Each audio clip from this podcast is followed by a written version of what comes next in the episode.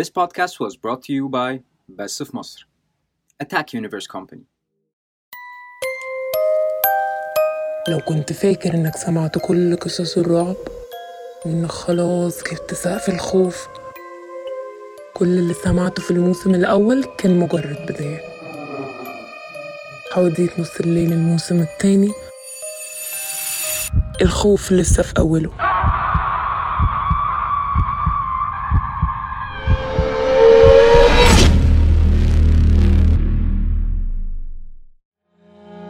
عمرك سمعت جملة التاريخ بيعيد نفسه؟ طب تخيل كده.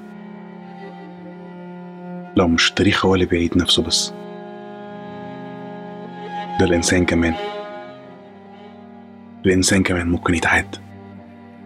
وكل مرة بيتعاد فيها بيبقى أسوأ. الشر اللي جواه مرة عن مرة بيبقى أكتر. بيبقى أخطر على كل اللي حواليه. وعلى نفسه كمان. أنا دياب محمد. والحدوتة اللي هحكيها دي هحكيها زي ما اتحكت لي بالظبط. من غير ما أزود أو أنقص فيها أي حاجة. اللي حكيت لي الحدوتة دي هي الضحية الوحيدة اللي عاشت. شيرين. كانوا أربع بنات. عالية ونور وشيرين وتقى. كانت خطة الأجازة دي إنهم يقضوها في دهب. رحلة كام يوم يغيروا فيها جو بعيد عن إرهاق الشغل و... تعب المدينة ودوشتها كل واحدة منهم اقترحت فندق أو كامب مختلف. راحته هناك قبل كده. بس أكتر مكان عجبهم كان الكامب اللي اقترحته عالية. لأنه ببساطة كان أقل واحد فيهم في الأسعار. ده غير إنه كان أول صف على البحر. المكان كان اسمه كامب العين. سافروا هما الأربعة ووصلوا للكامب. كان مكان كان مكان غريب ويخليك تحس باكتئاب من أول لحظة ليك فيه. المكان كان تقريبا مهجور. كل الشاليهات اللي فيه مقفولة وضلمة إلا شاليه صاحب الكامب عم عتريس واللي هو كمان كان يشبه الكامب. عجوز. عجوز وكئيب ومريب. زي ما يكون ما اتكلمش مع بشر قبل كده في عمره كله. كأنه عمره ما جاله أي زباين في الكامب ده. بس هم ما اهتموش. ولا بالراجل ولا بكون المكان فاضي. كل اللي كانوا بيفكروا فيه وقتها كان البحر والانبساط. الانبساط اللي كان عمره قصير قوي. أول يوم في الكامب كان شبه أول يوم في كل حكايات الرعب اللي حصلت واللي لسه هتحصل. كل حاجة كانت ماشية عادية بحر وأكل وهزار وصور. لحد ما الليل جه. كانوا هما الأربعة قاعدين قدام الشاليه بيسمعوا مزيكا وبيضحكوا. بعد ما اطمن على معتريس إنهم مش محتاجين منه أي حاجة. وفجأة عالية بدأت تتشنج. بدأت تعمل أصوات غريبة. تتحرك حركات غريبة زي ما يكون عندها صرع. حكيت لي شيرين إن عالية في اللحظة دي كانت شبه اللي بيركبهم جن. فضلت تتهز لدقايق وهما بيحاولوا يهزوها ويشربوها مية. وفجأة رجعت تاني كويسة. ضحكت لهم بعد ما كان شكلها بتموت من ثواني. نور وشيرين وطه كان على وشهم نظرات رعب وقلق. أما هي فبصت عليهم وهي بتضحك. وسألتهم بكل هدوء وبرود. أنتوا بتبصوا عليا كده ليه يا جماعة؟ أنتوا شفتوا عفريت ولا إيه؟ وقامت وسابتهم ودخلت نامت.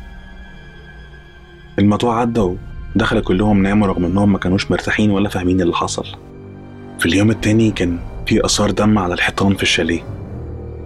زي ما يكون حد حط ايده في جردل مليان دم وبدأ يرسم بالدم ده أشكال وكلام مش مفهوم. كلام فهمه بس اللي كاتبه.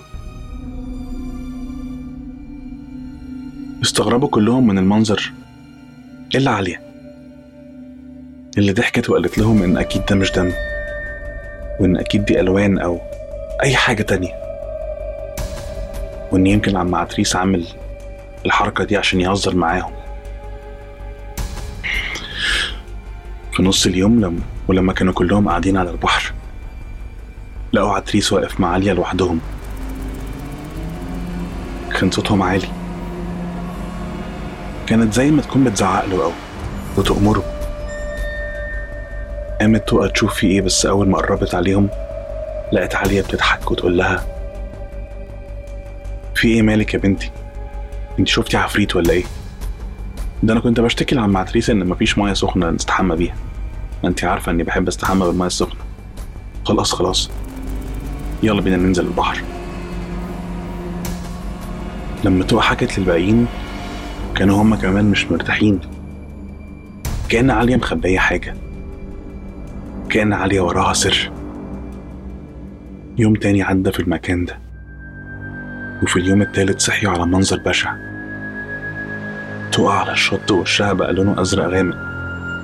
زي ما تكون غرقت. وحد خرج جثتها بعد ما ماتت ورماها على الشط. المرعب ما كانش إن تقى ماتت. المرعب ما كانش إن لون وشها بقى أزرق. المرعب بجد كانت عينيها المبرقة زي ما تكون شافت عفريت قبل ما تموت. وإيديها اللي كانت متقطعة بشكل مخيف. كأن الدم اللي في إيديها ده هو الدم اللي اتملى بالأوضة امبارح. وكان مغرق الشاليه. حالة هستيريا ورعب ملت كل الباقيين. نور وشيرين قاعدين بيصوتوا. تليفونات ما فيهاش شبكة عشان يكلموا البوليس. عم عتريس مش موجود عشان ينقذهم أو يلحقهم وسور ال camp كان مقفول من بره. حاولت نور تكسر باب ال camp عشان تخرج بس حست بإيد خفية بتشدها لورا. فضلت تعافر لحد ما شيرين شافت رقبة نور بتلف لحد ما اتكسرت. الصوت اللي سمعته شيرين وقت موت نور قالت إنه كان أكتر صوت مخيف سمعته في حياتها كلها. بدأت شيرين تصرخ. مش عارفة تعمل إيه ولا تروح فين. عالية ما كانتش موجودة. بدأت تنده عليها بدأت تصرخ تصرخ جامد. لحد ما لقت عالية بتقرب منها وقالت لها أغرب حاجة سمعتها طول حياتها. عالية كان شكلها غريب وكان شكلها مختلف عن أي وقت قبل كده. قالت لها إنها بتيجي المكان ده كل عشر سنين. وكل عشر سنين بتيجي المكان ده في جسم جديد ودايما لما بتيجي بيكونوا أربع بنات. وإنها دايما في اليوم التالت بتقتل كل اللي بيكونوا معاها. قالت لها إن من سنين كتير. تقريبا سنة 1970 كان في بنت اسمها عليا. كانت بنت طيبة وغلبانة من البنات اللي بيصدقوا أي حد وبيمشوا ورا أي حد. سافرت مع ثلاث بنات. كانت فاكراهم صحابها. كانتش تعرف إن الثلاث بنات دول مسافرين معاها عشان يقتلوها ويسرقوها. وبعد ما عملوا كده رموا جثتها في البحر. ومن ساعتها. وروح عالية. بيسكن في أي بنت جديدة. تكون مواصفاتها شبه البنت اللي عاشت في المكان ده زمان. أو روحها سكنت المكان ده. فبقى المكان ده بيتها. بتنتقم من أي شلة صحاب بيسافروا. وإن المرة دي كان الدور عليهم. النهاردة التاريخ بيعيد نفسه. وروح عالية رجعت بالكامب. اللي اتسمى على اسمها. كامب العين.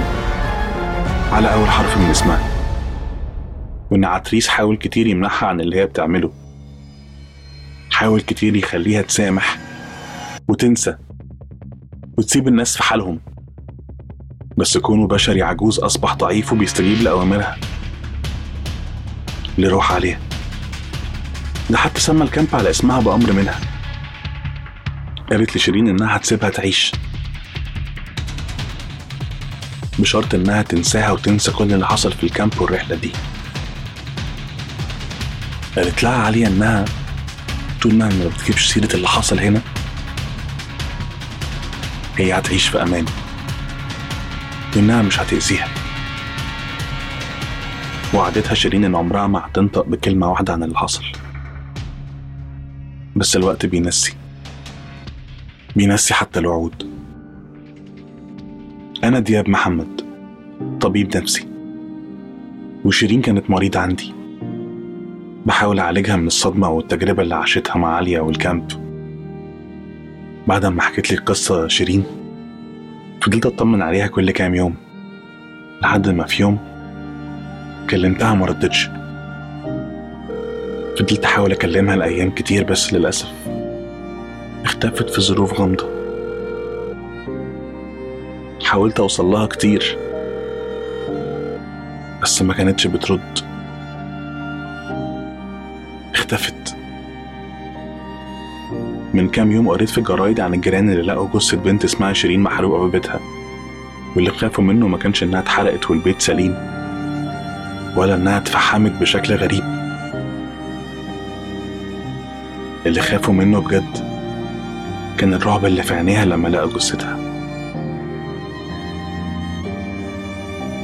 كان عينيها مليانة رعب. والسؤال اللي يمكن الناس سألوه لما اكتشفوا جثتها. هي شيرين لما ماتت كانت شايفة عفريت ولا إيه؟ اسمعوا باقي بودكاست بس في مصر على Apple Podcasts Google Cast.